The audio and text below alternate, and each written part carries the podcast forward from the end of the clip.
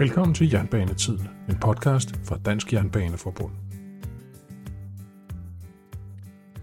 Jernbanetiden er Danmarks ældste fagblad. Vi udkom første gang i 1899.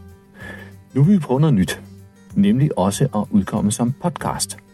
Du vil selvfølgelig stadig få Jernbanetidene hjemme i postkassen, men for fremtiden vil du også kunne lytte til et par udvalgte historier – vi starter med et par historier fra årets sidste nummer af Jernbanetidene. Du vil nemlig kunne høre historien om Kasper Svanekær Pedersen fra Metro Service. Kasper er blevet nomineret til prisen Årets Tillidsrepræsentant. Kasper blev udvalgt blandt over 400 indstillede TR'er og udgør sammen med fire andre årets fem nominerede til prisen. Du vil også kunne høre vores formand Preben S. Pedersens syn på, hvordan vi får gjort noget ved de mange sporløbere – Baggrunden er en uhyggelig stigning i nærved påkørsler i 2021. Der er også tanker fra stationsbetjent Thomas Lacour. Et serutskod på trappen på Horsens station sender hans tanker tilbage til hans kære bedstemor.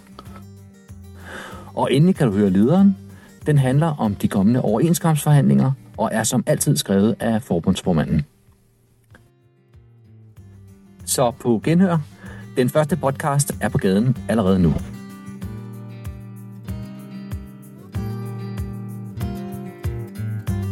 Jernbanetiden. Podcasten.